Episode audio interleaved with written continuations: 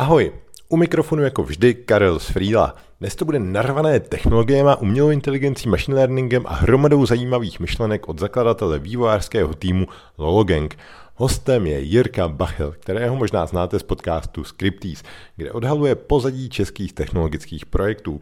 Moc vám jeho podcast doporučuji. Kdyby vás například zajímalo, jaké technologie pohání Freelo, co stojí za vývojem, co je tam největší výzva, tak Jirka vyspovídal nedávno i mě a zjistíte, že ten úkolníček má na pozadí opravdu spoustu, spoustu věcí. Ve Freelu momentálně pracujeme na implementaci umělé inteligence. Tak kdybyste chtěli být třeba mezi beta testery, nezapomeňte mi napsat. Ještě než se do toho pustíme, tak mám pro vás pozvánku na akce, kde se můžeme potkat. Ta první, to je dvoudenní konference in Agile, kde se dozvíte opravdu do hloubky, co hýbe světem Agile.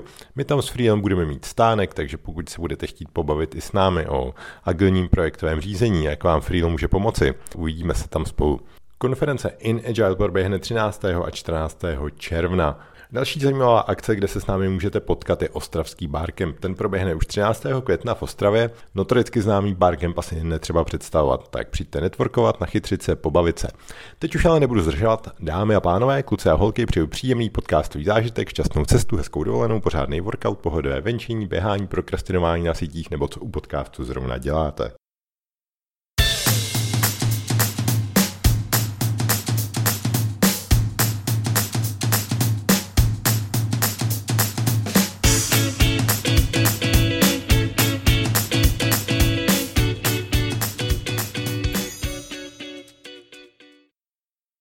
Dneska se podíváme do podpalubí Lologengu. Hostem je Jirka Bachel. Ahoj Jirko. Ahoj Karle. Díky moc, že jsi udělal čas. A ty seš eh, co-founder Lologengu, což je vývojářský tým, děláte super apky, projekty, to nám řekneš.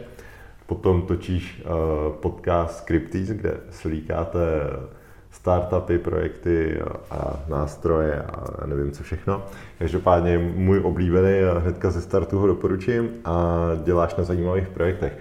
Pojď to nějak celý schrnout a říct líp a můžeš přidat nějaký třeba klíčový body, co si myslíš, že vlastně ovlivnilo tvůj život, že seš v bodě, kde seš, což je za mě úplně mega pozitivní člověk, který je jako úspěšný a daří se jeho projektům. Ale já jsem uh, zakládal firmy posledních 10 let, dejme tomu, ale dejme tomu pořádně vážně s tomu venu posledních 6, kdy jsem opustil seznam a s kámošem jsme založili firmu, která měla ambici ve státech dělat nějaké aplikace. My se zbalili, odjeli jsme do Spojených států a pobíhali jsme po univerzitách No a asi rok a půl jsme se bavili tím tvořením těch produktů a pak nám šly peníze. a zjistili jsme, že máme jako super tým lidí, který jako umí cokoliv vyvinout, tak jsme zavolali kámošům, hele, máme tady dobrý tým kluků, nemůžeme s něčím pomoct. Oni, Jirko, s tebou jasný, není problém, něco vymyslíme. No a vznikl Lolo Gang, on teda správně se to jmenuje Lolo Team, my se do internet takhle říkáme, ale, ale jako lolo.team je to, kde to najdete. Takhle pár firmám v Čechách nebo ve Spojených státech nebo v Izraeli jako v různě po pomáháme nějakýma cool projektama. Takže třeba teďka pracujeme na IoT projektu, který najdete v, v mm, mrakodrapech na Manhattanu, nebo ve skladech nemenované armády. a víceméně ta krabička funguje tím způsobem, že, že do ní jsou napojený tisíce a tisíce senzorů z té budovy a ona říká, co se rozbilo, co nefunguje správně, že třeba tahle klimatizace topí a tahle chladí, to asi není dobré, vem, vemte si šroubovák a jděte to opravit. No a potom třeba se zabýváme víc i televizníma biznisama, od IPTV, co třeba znáte na Slovensku pod názvem Orange TV, přes eh, Netflixu na míru, jak si jako eh, kluci rádi říkají, což eh, znamená, že pokud jste majitelem obrovského množství videoobsahu a řešíte jeho monetizaci, a YouTube prostě pro vás není alternativa, protože to je malá, malá marže a chcete si to monetizovat na vlastních stránkách, tak my proto tvoříme platformu, do které si nahrajete video obsah a uděláme úplně všechno. To znamená, vyberte si, jestli to video bude zdarma, nebo bude s reklamou, nebo bude za předplatný, nebo bude za jednorázovou platbu. A dneska to jedete na službách typu DVTV, opustil ekonomii a teďka běží na platformě TVio. ta Jojka na Slovensku na tom běží, Octagon, MMA zápasy a další takovéhle brandy na tom fungují. A primárně se to stará firma, která se jmenuje Nangu TV, ale ten vývojový tým je od nás, z týmu. Mm-hmm. No, ale uh, já jsem takový hodně produktový kluk, co rád tvoří různý biznesy, takže máme ještě startup, který se jmenuje Joplitics, který teďka aktuálně od minulého týdne expandoval z různých zemí do Čech. Plus máme ještě OneTone.ai, který zase řeší zlepšování psaní.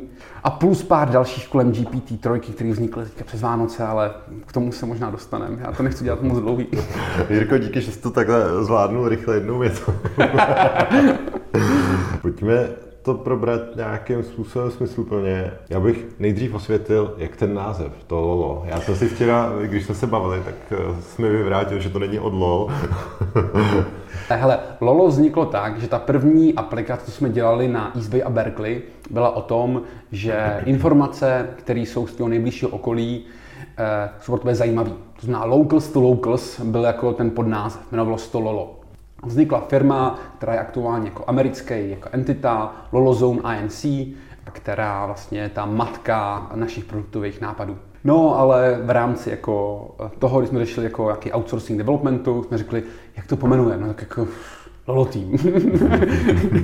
no a tak nějak to vzniklo. I když Lolo je havajský výraz pro moudrýho muže, to se mi docela líbí.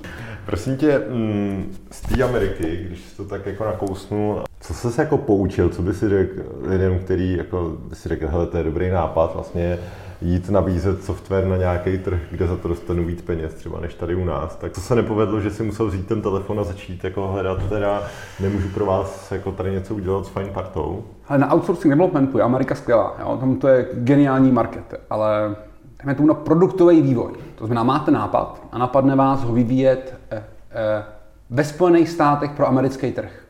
Prostě je to drahý. Když vidíte startupy, které vyrejzují ve Spojených státech milion dolarů, ty vole, milion dolarů, vidíte, mají celovou tabulku, ne? To je prostě nonsens, ne? Jako, jak to může takovou hodnotu.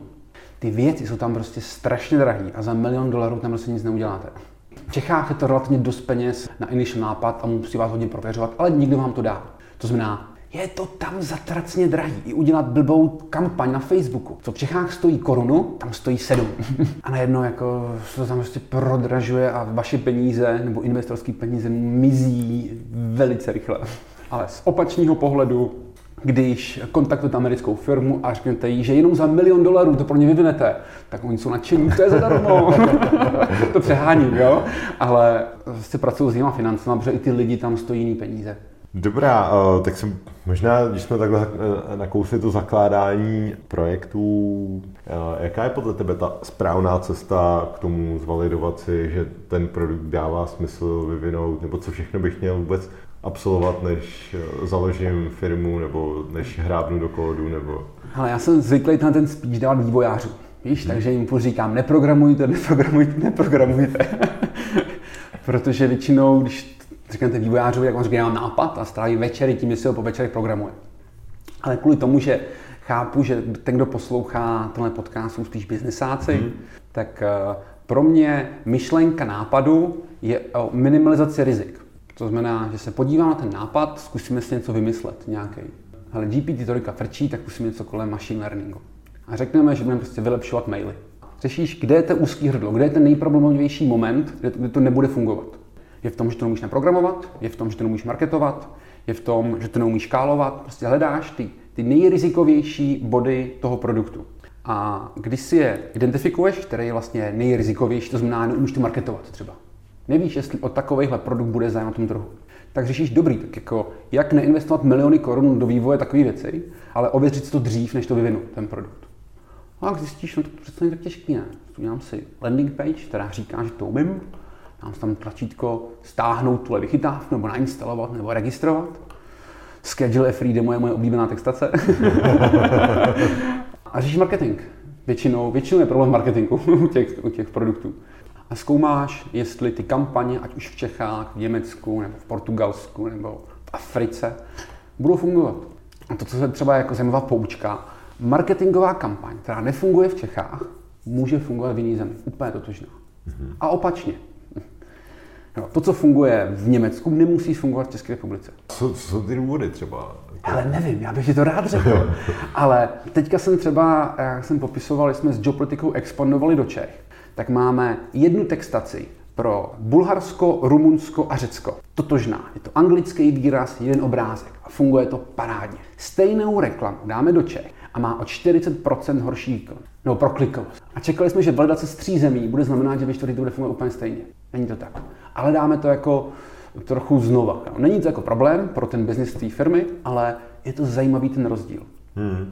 To znamená spíš chci popsat, když se testují nějaké kampaně a dejme tomu, že je to jenom v Čechách, protože na českém rybníku je vtipný to, a to je Andrej Tisk, mu povídal jednom podcastu a mi se to strašně líbilo. Jaká je největší přidaná hodnota českého trhu? A já říkám, ty český trh je úplně na hovno. Ne? On, ne, ne, on je skvělý v tom, že je tak malý, že hromada startupů rovnou řeší, že by šel do zahraničí. že když jste byli v Německu, tak řešíte jenom německý trh a ani vás nenapadne expanze, protože vlastně německý trh stačí proto, abyste byli profitabilní. Ale na spoustu nápadů jsou Čechy tak malinkatý, rovnou řešíte globální nápad, který najednou ten trh je tisíckrát větší. Takže tam malost toho českého trhu je z tohohle pohledu zajímavá. To třeba Poláci nemají. Tam hromada startupů si říká, udělám ten produkt jenom pro polský trh. Takže my teďka jsme mnohem víc v tom měřítku, řešíme to globálně a jak validovat ty nápady globálně. A klidně si vyzkoušíme tu jednu kampaně jenom v Čechách, ale totožnou textaci i pro dalších pár zemí, které nám přijdou zajímavý. Když ti přijde, že marketing funguje, tak eh, co validuješ dál? Jako, je to ta největší technologická výzva, nebo rovnou to, ten, ten scaling, jestli to pak bude dělat úplně jako Hele, číslech. Jo. Jestli v tom nápadu není nic kolem machine learningu, většinou vyvinout to je jednoduchý. Já neříkám jako jednoduchý, ale můžeš garantovat výsledek. Prostě půjdeš tady za pár vývojářema nebo firmama, jako jsme my, a my ti velice rychle řekneme, ne, to je nonsens, to bude vyvíjet 50 let a nebude to fungovat. Nebo, OK, takhle za tolik měsíců a tolik a tolik kapacit to bude stát, aby to bylo v nějaký minimální podobě. To znamená, ten další krok je definovat, já to nemám rád to slovo, MVP, jo, protože jako všichni... Co je špatného na MVP? To je zrovna docela jako by se o to ty lidi no, protože, přece snažit, ne? No, oni se to všichni, jako oni to všichni říkají roky, ale vlastně jako zjišťují, že ho neumí udělat. Víš, protože to MVP je slovo, které je strašně nebezpečný asi z dvou pohledů. Když se ptáš na MVP vývojáře, je úplně jinde, než se ptáš na MVP e, eh, biznisáka a když se ptáš na MVP zákazníka. Takže vývojář dělá, to jsem posledka poučil, MLP, Minimal Level Product. Jo. A, a vymýšlí tam blbosti, aby v tom byly. A je strašně těžký to MVP udělat tak, aby opravdu mělo tu přidanou hodnotu, a říkalo, co říkala ta landing page. Ale přitom to netrvalo roky to vyvinout.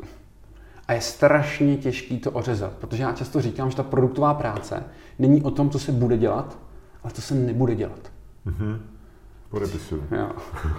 hele, sedni si do místnosti, kde jsou čtyři chytrý kluci a vymýšlí 50 nápadů, co by šlo s freelem dělat, co by šlo dělat s jopolitikou a s dalšíma miliona nápadů, co děláme. Ale který má největší biznesový přínos, který je zároveň relativně jednoduchý udělat který, na kterým nestojí ten biznis a dá se to nasadit těm zákazníkům, aby jim to dalo tu přidanou hodnotu, kterou zaplatí. A v ten moment, eh, když ověří, že marketing funguje, tak eh, si vymyslím, co je MVP, co je to minimum. Dejme tomu, když mám dost peněz, nakreslím ho a jdu za těma lidma a povídám si s tím trhem, jestli fakt jako by to doopravdy platili.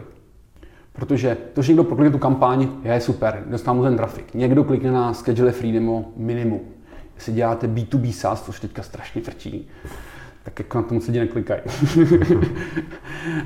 Ale je super dělat tu validaci z dvou stran, to znamená jednu tu kampaň a mhm. schedule free demo nebo jakýkoliv jako zdarma registrace, která vede k tomu pokecu.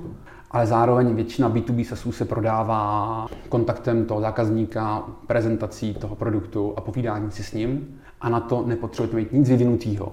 Pokud umíte hezky mluvit, tak to ukecáte. Pokud ne, tak si použijte grafický nějaký základ a ukažte mu nějaký klikací prototyp.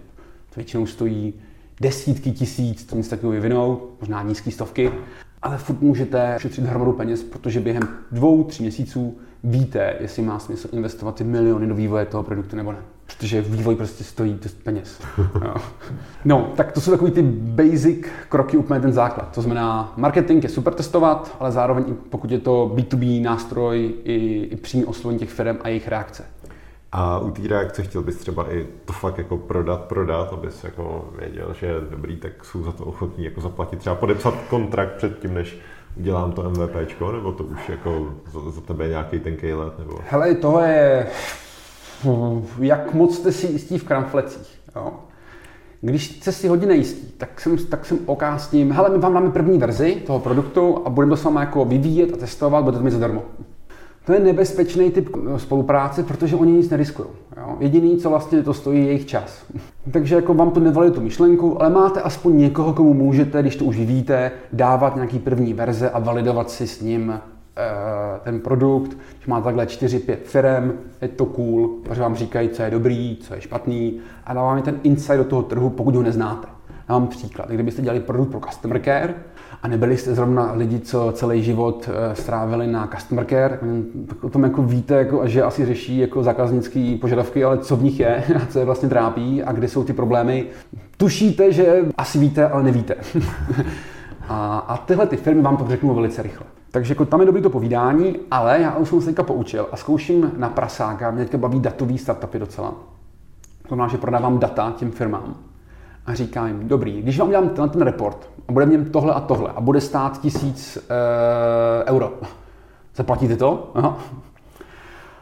Když to řeknu to, co říkáš, tak jo. Říkám, dobrý, tak já vám pošlu sample, když se vám bude líbit, zaplatíte ty peníze. A vlastně aniž bych to vyvíjel, tak jim odprezentuju imaginární report a snaží se tlačit na ty peníze co nejdřív v validaci té myšlenky, Protože strašně rychle vidíš ty reakce těch lidí. Protože ve finále, kdyby ten produkt celý měl hotový a měl, utratil si ty strašné peníze za vývoj té věci, jak to skončí? Budeš na stejným kolu, budeš jim říkat, tenhle ten report vám řekne tyhle ty informace, zaplatíte ho. Takže, takže zkouším některé ty salesové taktiky, které bych si používal s tím produktem, použít v tyhle tý iniciální fázi, abych rovnou věděl, jak komplikovaný to bude prodávat. Mm-hmm. Protože můžeš mít sebe lepší produkt, který fakt říká a pomáhá té firmě, ale pokud půjdeš za těma lidma z customer care třeba a nabídneš jim ho, oni řeknou, to já nevím, jestli můžeme schválit, to je pro nás moc peněz. A když to řekne 10 firm, tak vidíš, že to bude fakt těžký prodávat. A to si ověříš na začátku, protože tím, že vyvíjet věci bez AI je relativně jednoduchý. jo. Všechno nevyvinou, když máš dost peněz. Pojďme o fous dál. Mm-hmm. Co nějaký typy k exekuci, protože ta je pak taky strašně důležitá, že jo? aby to nestroskotalo na tom či onom. Když jsme si to teda zmarketovali, zvalidovali, prodali, tak co jsou ty úspěšní kroky, které vedou eh, k tomu, že ten produkt jak dobře dotáhneš do nějakého jako stádia. Asi jsou to správně zvolené technologie, bych čekal od Scripties, ale... ale já vím, že to zní hloupě, já jsem jako eh, tělem a duší vývojář. Mm-hmm. Ale je to úplně jedno. Nepotkáte vývojáře, co by vám řekl, že teďka nový B2B startup udělá v Visual Basicu a frontend bude ve Visual Basicu a backend bude v Erlangu. To se nestává. To jako většinou jsou všichni relativně rozumní a jestli to udělají v Angularu, Vue, Svelte, Reactu, nezmění to váš biznis. Pro ten biznis je to vlastně jedno, je to, je to rozdíl v hiringu, ale pro ten iniciální validaci nápadu, jak rychle jsou schopní to vyvinout. Když eh, by vám nějaký kluk řekl, že Visual Basic to vyvíjet tři roky, to nebudeš chtít. no, to znamená, jako pro mě technologie nejsou tak důležitý, pro mě důležitý čas. To znamená, pro mě exekuce je čas. To znamená, jak rychle jsem schopný tu věc exekuovat. A jediné, co mě zajímá, je, kde ušetřím ten čas. A, a, a na čem se vyplatí šetřit? Teda? A na čem se vyplatí šetřit. A obzvlášť jsem si oblíbil lidi a mentální uvažování, tomu říkám hledání zkratek. Víš, že jak jsem popisoval teďka, že vlastně můžeš prodávat ten produkt, aniž bys ho měl, podobné zkratky jdou dělat i při tvorbě MVPčka. Spoustu věcí prostě nepotřebuješ. A vlastně ti to odpustí, všichni v té první verzi nejsou. A dám příklad. Spousta vývojářů stráví zatraceně v obrovské množství času na právech pro přístup. Na administraci věcí, jako kdo má práva vidět tuhle tu položku. A je to jako strašný pain to vyvíjet. Se s tím vždycky propálí bambelion času. To není to důležité. Všichni vidí všechno. A pokud zákazník netrvá na tom, pro, kvůli prvnímu prodeji, aby to tam fakt bylo, práva doděláš až potom, co to začne fungovat, že prostě vidíš, že si ověří, že ti funguje ta reklama nebo ten sales s tou landing page, registrací a vložením kreditky. A už to používají první tři měsíce a říkají ti, ty ale mě nám vadí, že tady tenhle ten člověk vidí všechno. My jsme tam potřebovali ty práva mít jako funkční. Jo. Po případě jsme zkoušeli i věci, my tam ty práva dáme, ale jenom v tom select boxu. že prostě uděláš práva, jako práva, já nevím, visitor, práva admin, práva owner. Hmm, tam tu možnost, oni si to zvolí, vlastně nenapadne, že, že tam nejsou. A znova, pro ověření ty myšlenky tohle úplně stačí. A takovýhle zkratek v rámci toho produktového vývoje najdeš strašně moc, aby si měl něco, čem spojíš všechny ty části ten sales s tím produktem, s tím vývojem, aby si měl toho prvních pár platětých zákazníků a chápal si, že když tam nasypeš další hromadu peněz, ať už tvých nebo od investorů, tak to prostě bude fungovat. A můžeš to vyvíjet dva roky, abys tam měl všechno, měl ten super, super produkt, anebo za půl roku dostaneš něco na trh, co funguje jako domeček z karet, ale validuje tu myšlenku a umožní to ušetřit ty velké peníze. Zmínil jsi investory, tak uh, jak ty tohle to vnímáš? Lepší s investorem bez, nebo v jaký fázi? A vůbec jak ty to máš se svými projektama? Všechno je self-funded. Mhm, super. Uh, hele, víš, to je těžké. Prostě vysetáš borce, který si všechno funduje sám uh, na investory, tak jako asi ti neřeknu, jako bej za investorem. Ale zároveň chápu, že pokud nás poslouchá někdo, kdo nemá ty finance na to, aby to vyvíjel sám, a prostě potřebuje první peníze a po případě třeba nakopnutí do toho, aby opustil své teplé místečko a šel něco dopravy dělat, tak mu pomůže ten investor. A třeba nějaký menší, co mu nějakou menší investici a vlastně ho nakopne do toho, aby to šel dělat. A není třeba lepší najít si nějakého druhého parťáka a dělat to spolu s někým, a já většinou znám takový ty kluky, co po večerech něco kutají a bojí se opustit teplý místo. Víš, prostě dva kámoši se dohromady, v ideálním případě, aspoň dva, někdy jeden. A něco tam jako zkouší a vlastně tomu nedávají ten fokus a ten čas. Ten čas je strašně důležitý. A přes den prostě tam něco prodávají nějaký firmě a po večerech e, se to snaží budovat. A kdyby jim někdo dal první peníze na hezký Excelový, Excelovou tabulku s tím business plánem, jak to vydělá miliardu, tak ty peníze dostanou. Já vím, že trh je blbý a teďka se ti investoři víc bojí. A ještě řeknu hloupě, z té investorské strany. Oni vlastně vyrejzují strašně moc prachu. Peníze nejsou jejich. A oni je musí rozdat. Jakože musí. Oni prostě přísahají, že v horizontu tolika tolika let je rozdají někomu. A je na nich komu? Tady je těch akcelerátorů tak strašně moc. A těch lidí, co jsou ochotní to dělat, tak málo. který mají rozumný business plán, že eh, vlastně, když máte hezký Excel a máte dobrou osobnost a dobrou mentalitu, někdo vám ty první drobný dá. Za blbý procenta, nejsou moc hezký, ve finále, pokud jste brzo profitabilní, tak jako jste zaměstnanci ve svém biznisu, nedej bože. Děláte svůj sen a často to těm úplně stačí, že jako jsou svými vlastními pány a že mají majoritního investora, mě netrápí. Pojďme se pobavit o tom projektu tvým, uh, Joblitics. Klidně můžeš dát nějaký příklad jako reálně z praxe. Třeba když řekneš, co to dělá, tak řekni třeba, jak si, jak si ty nebo někdo od vás dostal ten nápad a jestli jste dělali třeba to MVP, ať si to rovnou jako řekneme, nebo můžeš klidně říct, že tam byla ta, ta nějaká zkrátka, že jste tomu třeba rovnou věřili a rovnou, jako samozřejmě asi nejdřív řekni, eh, jak to analyzuje ty, ty platy a co to, co to přesně dělá. Ale obecně uh, Joblitics není náš první HR startup. Uh, my jsme jako obecně HR nás zajímá hodně, protože těch peněz v tom celém biznesu je asi strašně moc. A obzvláště IT je strašně saturovaný, to znamená, musíš bojovat o ty lidi. Mm-hmm. Jakákoliv inovace v tomhle segmentu je většinou dobře přijmutá ze strany těch firm a umí to zaplatit, protože tam prostě hodně prachu. Je to rozdíl prodávat něco na customer care a něco jiného eh, v HR na ITáky. Co je tam dost prachu. Super, dobrý segment. Proto nás jako bavil a teďka jsme pochopili, že v rámci HRu ten problém je v tom, že tady je milion job portálů, ale žádný se nefokusuje na vývojáře, žádný nepomáhá tomu vývojářu. Tak jsme začali produkt, který pomůže vývojářovi z jeho kariéru. A zkoušeli jsme různé designy a věděli jsme, že mapa něco hravého funguje.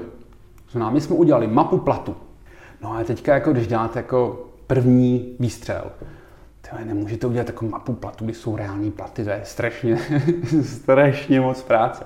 Obzvlášť, když si uvědomíte, že to není mapa platů tady jako po pardubickém kraji nebo po pražském okrese, ale z celého světa.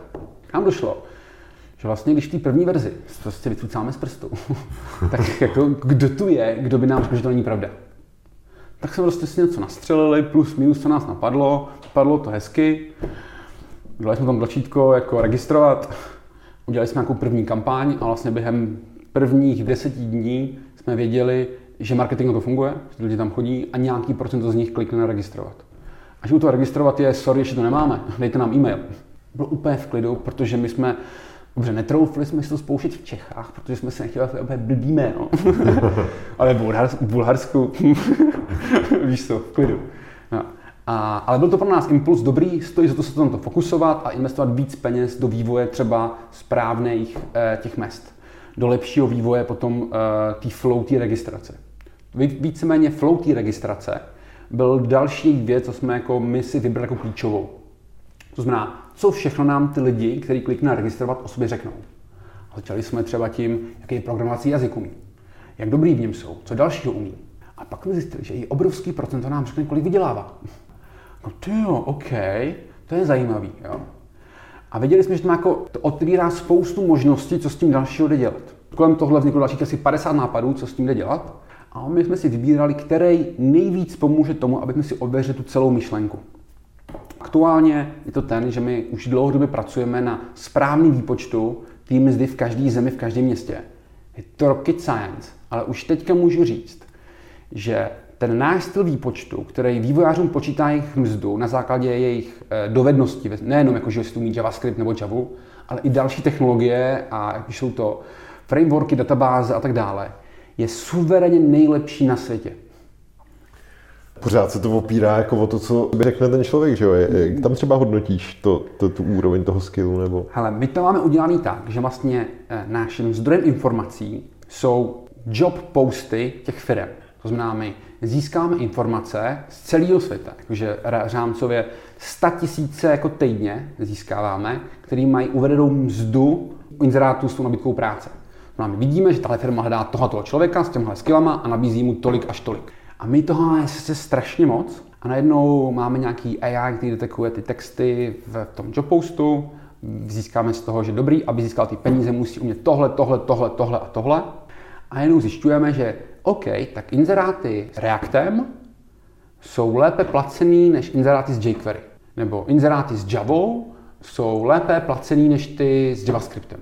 Jak zjistíš, dobrý, a když, tom, když eh, v tom Javovém inzerátu je ještě Spring, tak má ještě vyšší častotu částku.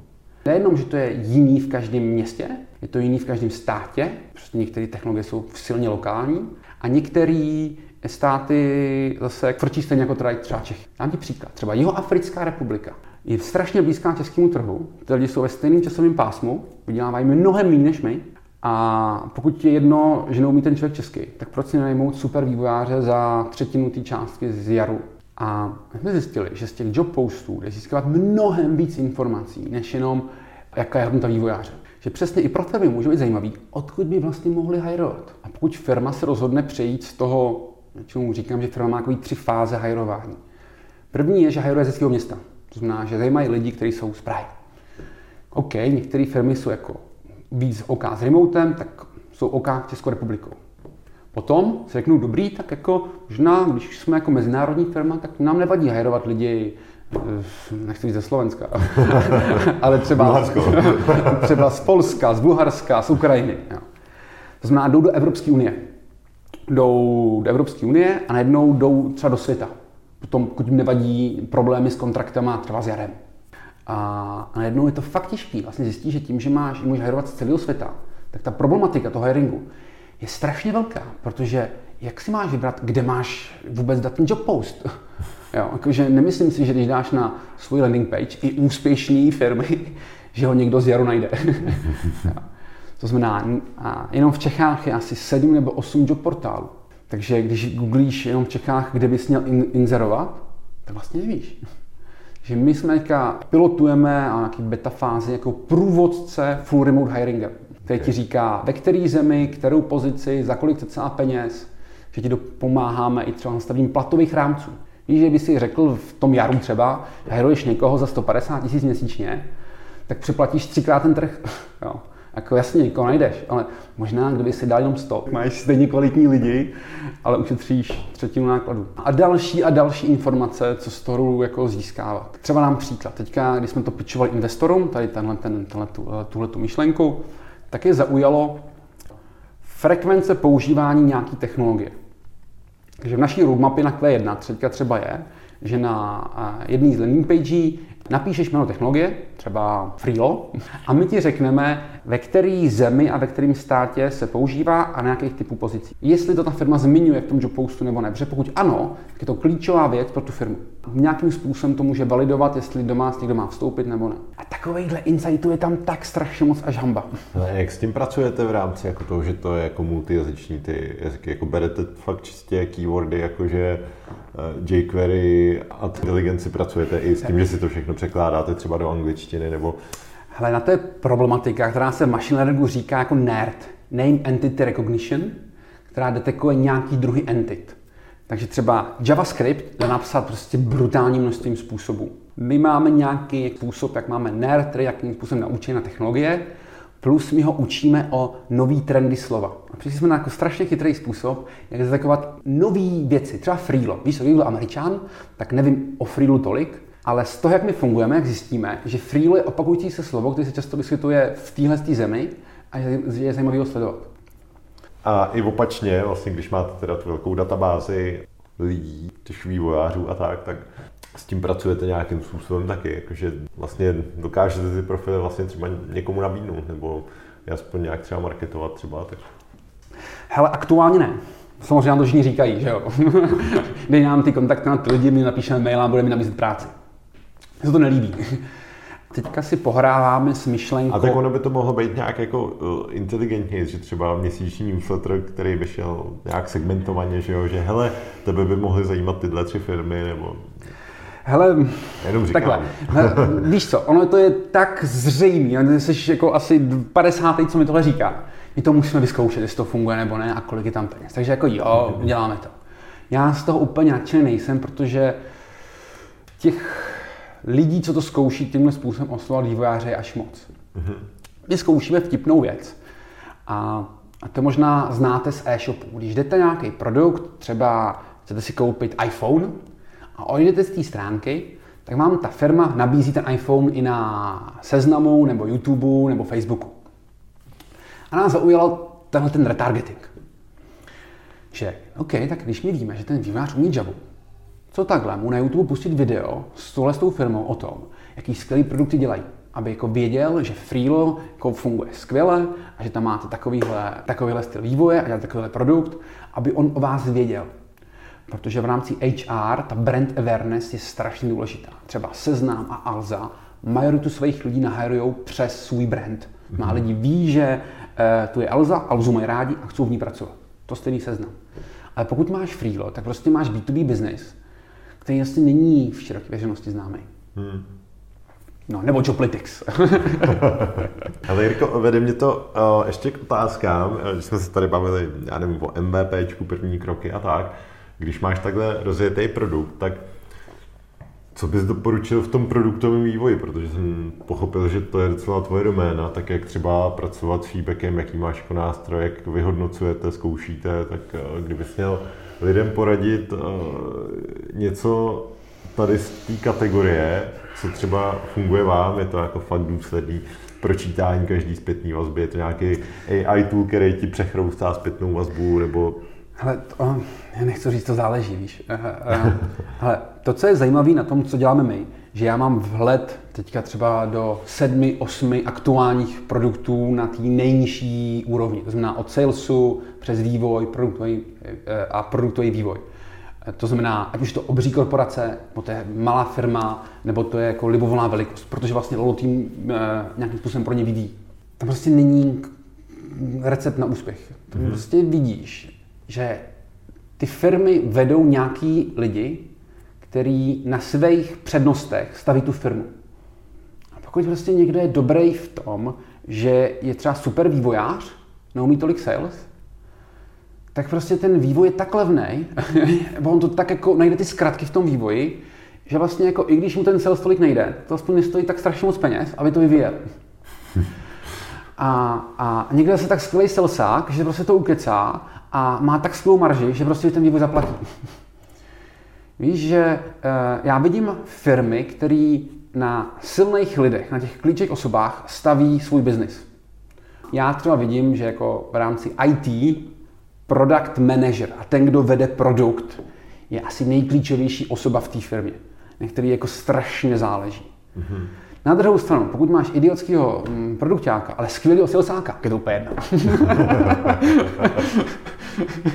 jo. Takže já mm, nedokážu popsat generálně jak na to, já jenom vidím různý týmy lidí, který staví svůj biznis na tom, v čem jsou silní. Ale pojďme se pobavit trochu o AI, ty, ono už to tady párkrát zaznělo, že jo, teďka prostě zvedne ruku, kdo si neskoušel něco z chat GPT nebo uh, nějaký obrázky oddalí nebo tady ty věci.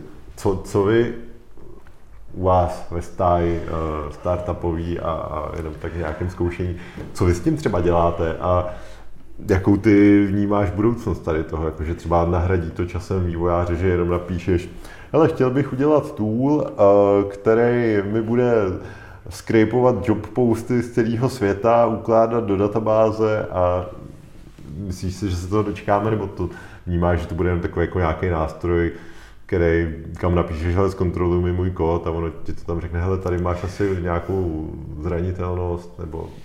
Ale to je o časovém horizontu. Jasně, když se budeš bavit v horizontu delším než pět let, možná, tě odpovím. V horizontu pěti let určitě ne. Plná automatizace úkolů je úplně něco jiného, než co aktuálně dělá GPT nebo OpenAI. Na druhou stranu, když jsme se bavili o těch produktech, mně se strašně líbí uh, úvaha Elon Musk to říká, to je žeru, když popisuje a prodává Teslu. Jo. On říká, jednou dojde nafta, my musíme, my musíme najít náhradní nebo alternativní způsob dopravy a čím dřív to vyřešíme, eh, ten alternativní způsob, tím víc ochráníme planetu. Jo? A vůbec nepromuje Teslu. On jenom říká to, co je očividné, že se prostě jednou v budoucnu stane. Takže je strašně hezký u jako dlouhodobých produktů, který neděláš za účelem, že uděláš se za rok prodáš, a že víš, že dlouhodobě chceš tu firmu, je fokusovat se na věci, o kterých očekáváš, že v horizontu dalších 10, 20, 50 let budou v tom, že tam ten svět dointeruje jednou. To je jako hezký. A tam vidíš, že machine learning rozhodně je. Ta, ta snaha o automatizaci nějakou nebo pomáhání lidem, prostě to je očividný a je to jako nespochybnitelný směr, který jako je silný. A když vám prostě teďka řeknu, že můžete ušetřit 50% nákladů tím, že na něco použijete strojové učení, tak a stojí to desetinu té ceny, jako, jste byli hloupí, když jste řekli ne. Tohle je přesně to, že kdybych teďka validoval na, na myšlenku nápadu nějakýho, který vám přesně na tom salesovém pitchi řekne tohle to, tak všichni řeknou shut up and take my money. jo. A najednou je problém vyvinout tuhle formu automatizace. A chat GPT já teďka beru jako, jako jeden z těch kroků, který ukazuje té široké veřejnosti, co všechno je možné dělat pomocí strojového učení ale vyvíjet produkty nad AI je brutálně triky. Protože každý salesák, znáte to, když, když máte firmu nebo se něco prodává, tak máte tendenci říkat ty věci, které ještě jako nejsou hotové. nebo jako úplně... Ale už to bude. ale už to jako bude a, a často jsou ty firmy jako mm, sales driven. No a u AI je to strašně triky, že vy byste naslibovali zákazníkům přesně tohle tu message, protože víte, že to prodáte. Ale doručit ten produkt je vývoj a výzkum.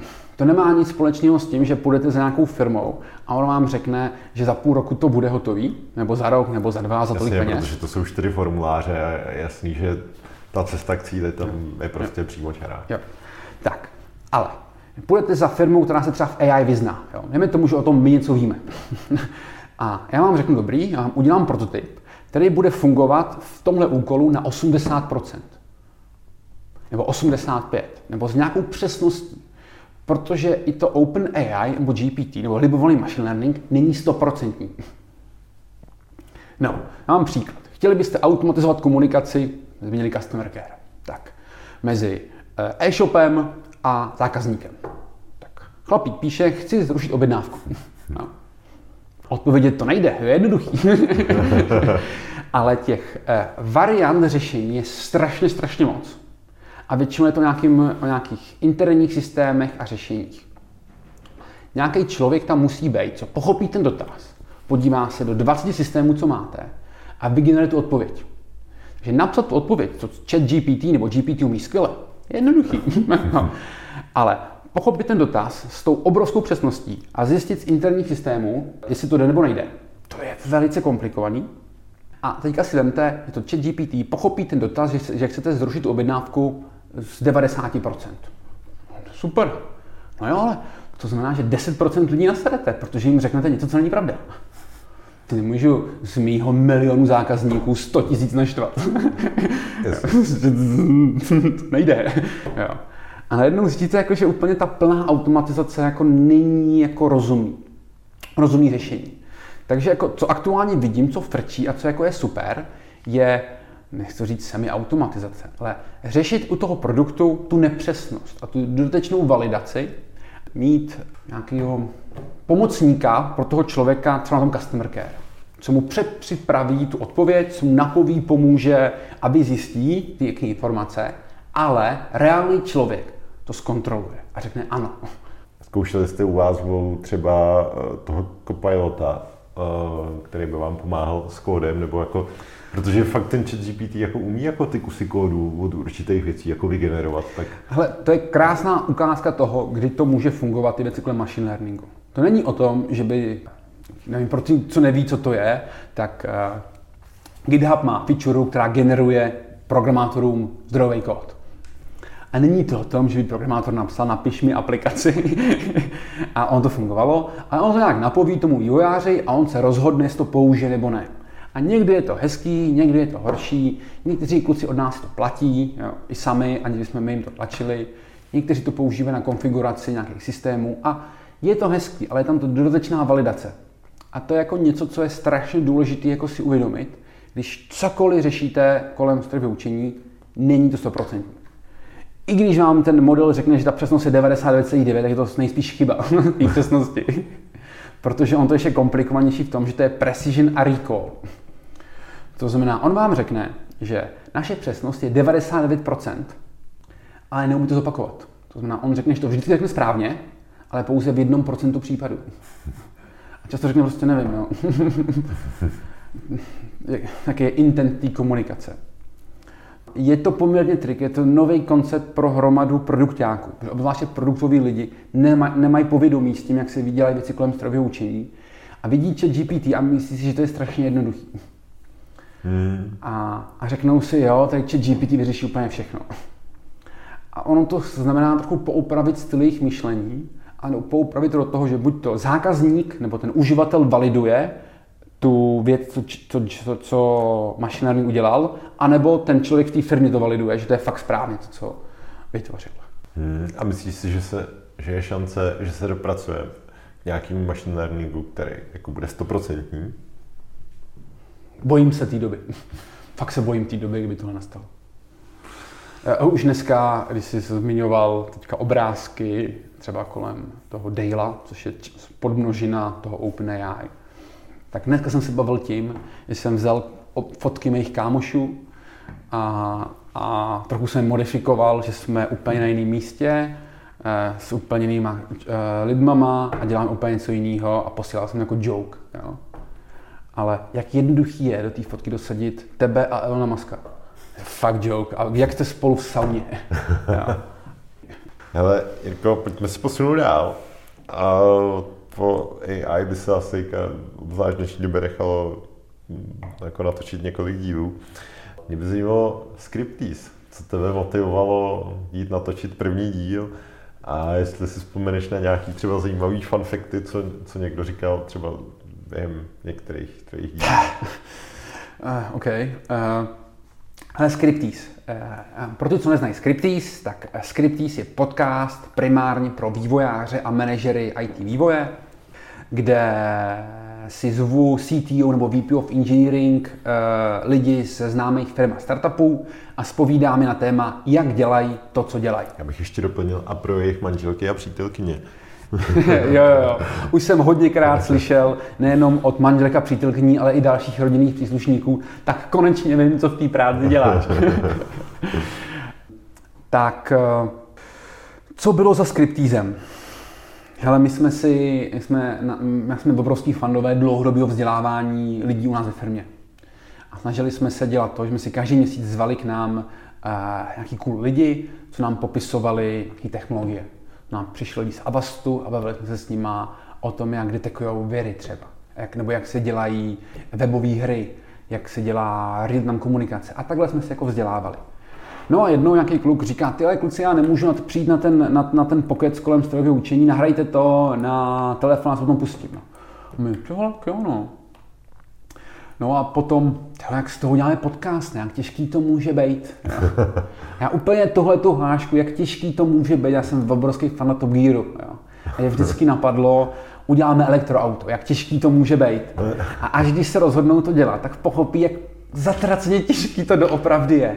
Protože já jsem si naivně myslel, ty ale vezmu dva mikrofony, někoho pozvu, nahrajem to, hotovo, jak těžký to může být. Ty krávo. a teď, když spočítám to množství času, co s každým podcastem stráví ten člověk, co zve ty hosty, ten, co mluví ty termíny, pak já tam přijdu, potřebuji se připravit ten podcast, to natočení je to největší prdel. a potom střiháč, potom komunikuje s těma lidma o tom, jestli to chceš nebo nechceš, nechcou, nechcou, nechcou vydat a jestli to všechno OK. Nějaký fotky, nějaký texty, o nás vychází články na různých webů, takže připravuješ ty články pro ty novináře, něco vychází na sociálních sítích a je to celý zmanažovat a ukočírovat. Strašně. Ale potom to má ty, to ovoce a lidi to mají rádi, ať to poslouchají a přijdeš na ČVUT mluvit a 50% té třídy zná tvůj podcast. Je to příjemný. Pojďme se ještě pobavit o tobě. Co je třeba tvoje nejoblíbenější technologie? Já mám rád JavaScript. Okay. Teďka jsme, dobře, JavaScript plomeno TypeScript, ať jako...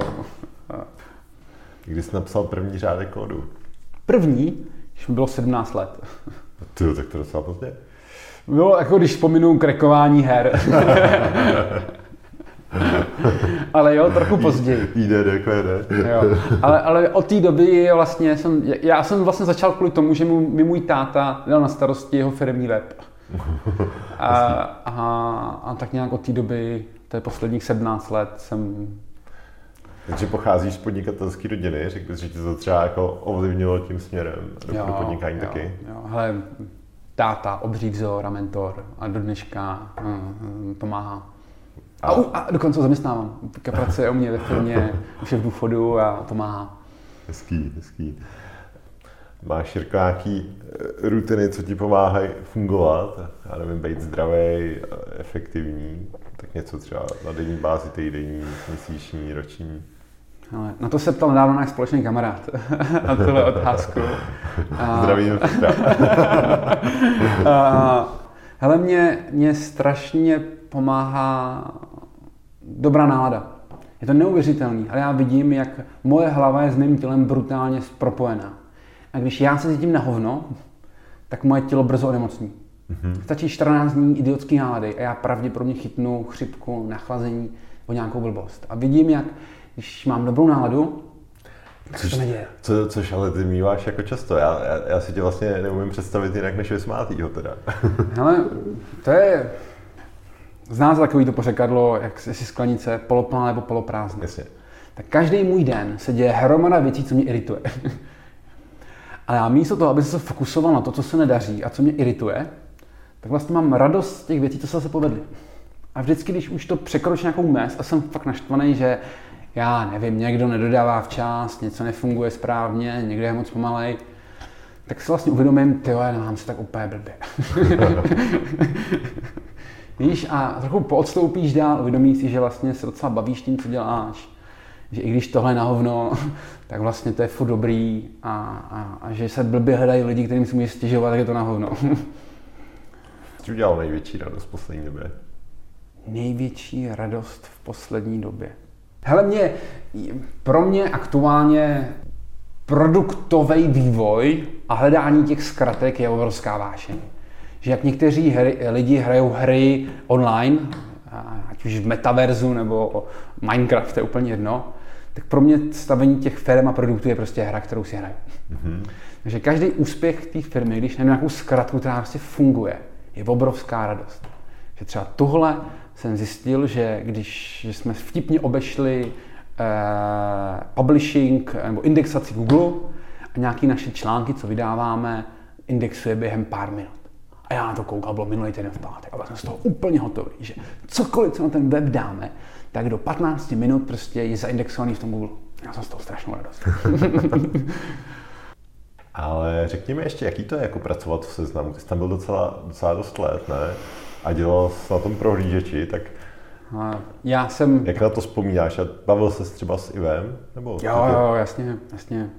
Eh, říkám, jak si nainstaluju eh, Linux, ne, ještě byl Panda Mac, já jsem tak dávno na Windowsech a on mi tlačil, že když, si, když začal vyvíjet na Macu, tak eh, mu to strašně pomohlo v tom, jakým způsobem manažuje svůj čas. A že prostě zrychlilo mu to vývoj. A mě až moc dlouho to bylo pochopit tuhle radu. Protože samozřejmě je správná. Hele, seznam pro mě to byla, mě naučili programovat, to řeknu hloupě. Mm-hmm. Jsem začal na full textu a, a ukázali mi, co to znamená dělat jako super aplikace, jak řešit škálování, replikace, jak dělat světové produkty tady z Českého rybníku. A to pro mě je obrovská, obrovská škola, ale já kvůli tomu jsem byl obrovský fanda jako mobilních aplikací a mobilních telefonů. Tak jsem snil o tom, aby seznam měl eh, aplikaci Seznam.cz. Vlastně žádnou, žádnou neměl tou dobou. Tak jsem se naučil Javu, abych udělal první prototyp aplikace pro můj telefon. A pak jsme šli za tehdy CEO seznamu Pavlem Zimou a ukázali mu tu apku. A jako strašně moc let zpátky to musíte brát. A, a mu to ukazovali a jeho tak nějak jako moc nezajímala ta aplikace. Možná je zajímala, ale víc štval, jak novinky jsou hnusný telefon. a, a vlastně jsme dostali rozpočet na to, aby jsme stvořili aplikaci Seznam.cz pro Android, iOS, potom Windows Phone, takovou podporu jsme měli. Dnes se podíváme zpátky do minulosti. A potom i pro OS X, Windows, interně byla verze i pro Linux. A mě trápilo, že vlastně nikdo neví, co udělal já. Apka dělala? To, jako, to bylo... Jako... Byla to nejkratší cesta na seznam, protože vlastně seznam trápilo to, že kdokoliv, kdo chce jít na seznam, tam musí přes Google na mobilech. No a když chceš jít na seznam, musí otevřít Chrome, tak, takže, napsat do Google seznam, takže, kliknout na seznam. Takže taková záložka. V podstatě jo, ale jako, on to zní blbě, ale 10 milionů lidí měsíčně kouká na tu stránku v Čechách. Hmm. Šílený čísla. A těm jako to pomáhá. Má to spoustu dalších skvělých feature, jo? Ale když bych řekl jednu, za kterou mi to přijde dobrý, tak takováhle blbost je super. A, a z toho potom vzniknul ten seznam prohlížeč? Nebo to... to bylo od prvního momentu to bylo seznam prohlížeč. Tam vždycky to bylo o tom odprezentovat ty informace, jsou na landing page seznamu a které potom vedou do prohlížeče. Tom to bylo jako jasný. A je to super, že máme v Čechách takovou firmu, jako je Seznam, která jako jedna z mála dokáže konkurovat Google a jakože máme tady mega šikovní lidi vlastně v té České republice, že je plno jako světová apka a my pak tady máme jako nějakou alternativu. Hele, stoprocentně. A k tomu strojovému učení. Eh, Seznam byla jedna z prvních firm v Čechách, která ho začala používat na komerční bázi před hromadou let, protože Fulltext je založený na machine learningu. A díky tomu, že tady Seznam vychoval tu, ty lidi kolem machine learningu, my jsme dneska jedna z předních zemí na světě, kde když si podíváš na to, kolik lidí kolem eh, strojového učení v Čechách je na počet obyvatel, to je neuvěřitelné číslo. Hmm. A mm, je to díky seznamu, který na tom funguje strašně moc, díky Kivy a těm prvním průkopníkům velkých firm, kteří začali to učit vlastně eh, tedy generací vývojářů. A teďka už lidi jako Jirka Materna vlastně tady vzdělávají zbytek. Jirka Materna stojí za ML College a všechno kolem strojového učení většinou dělá Jirka tady v Čechách. to znamená jako seznam super firma, která pomáhá lidem často začátcí, že často seznam hajruje juniornější lidi, kteří o tom díky němu vyrostou strašně moc. Hmm. A já mu děkuji za to, co mě všechno naučil. A když řeknu jednu vtipnou story seznamu, tak to jsem udělal na pohovoru eh, v seznamu, tak eh, mě se ptali na otázku a já, že věřím takovou filozofii, že kdo se moc ptá, málo googlí. A ta HR se zamračila a říká, no nevím, jestli to je vhodný při pohovoru do seznamu. Ale přijali mě.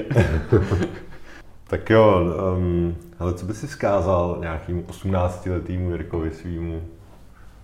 Kdybys, kdyby si chtěl jako nadělit nějakou další zkratku nebo něco takového. Jestli nemáš na to založit firmu v 18, vyber si firmu, která je fakt cool a fakt hodně roste. Není to korporace, středně velká firma a běž do ní pracovat. Mm-hmm. Která ti ukáže, jak ty věci dělat dobře.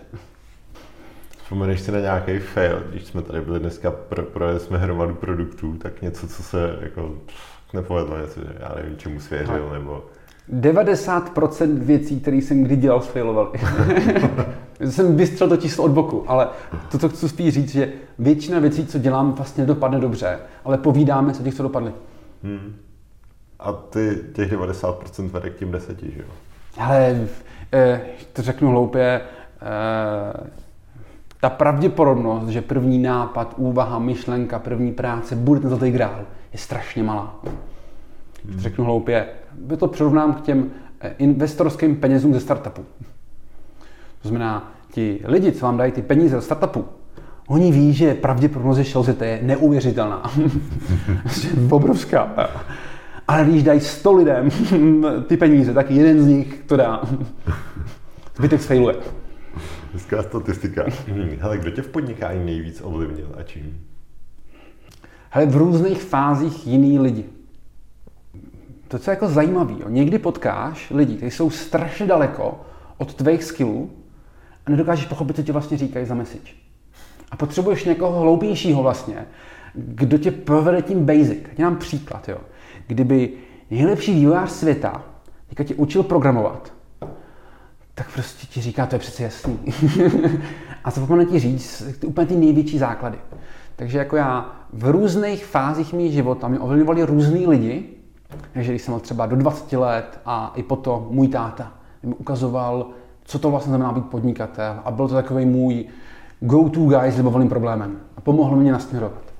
A potom eh, mi strašně pomáhají vlastně kamarádi, takový to okolí mých kámošů, kteří mají všichni nějaké firmy, startupy nebo se pohybují v tom stejném segmentu. Když něco jako nevím, tak prostě se postěžuju a vždycky někdo z nich přijde s nějakým nápadem, jak něco dělat. A je to pro mě inspirativní prostředí. A teďka třeba a, mám rád, zamiloval jsem se pomalinku do Andreje Kisky a nedávno jsem něco s ním poslouchal, říkal jsem si, ten chlap je cool. Jo. A poslouchal jsem snad všechno od něj a teďka si domluvám s ním schůzku a, x lidí, x lidem píšu, ale domluv mě s ním oběd, jo, protože chci se potkat. A není to jednoduchý. A kdo je podle tebe úspěšný? Není to penězích. Jo? To, to, to, je první, co asi zmíním. Jo? Vydělat tolik peněz, abyste měli na OK život, Jestli to chcete, neděte firmy. to není potřeba. Jo. I super eh, život a volný čas a super se můžete mít jenom jako zaměstnanci. Dělat firmy je většinou jaká podivná motivace těch lidí a pokřivenost jejich možná sebetrýznitelství některých lidí, kteří to dělají. A spokojený život je ten, který je šťastný. Mm-hmm. Prostě buďte šťastní. Jestli k tomu potřebujete 100 000 měsíčně nebo 100 milionů měsíčně, Většinou ne. hele, hele, buďte šťastní, to je taková super message na závěr. Já, Jirko, moc děkuju, že jsi našel čas. Díky za fajn pokec, ať se vám v Lolu daří a někdy příště. Díky moc. Díky, že jste to poslechli až sem. Máte fakt výdrž. Jestli se vám podcast líbil, tak mi uděláte velkou radost, když to někde nazdílíte, olejkujete nebo hvězdičkujete. Aby vám neutekly příští díly, tak si dejte odběr ve vaší oblíbené podcastové aplikaci. S podpalubí se loučí Karel z Frýla.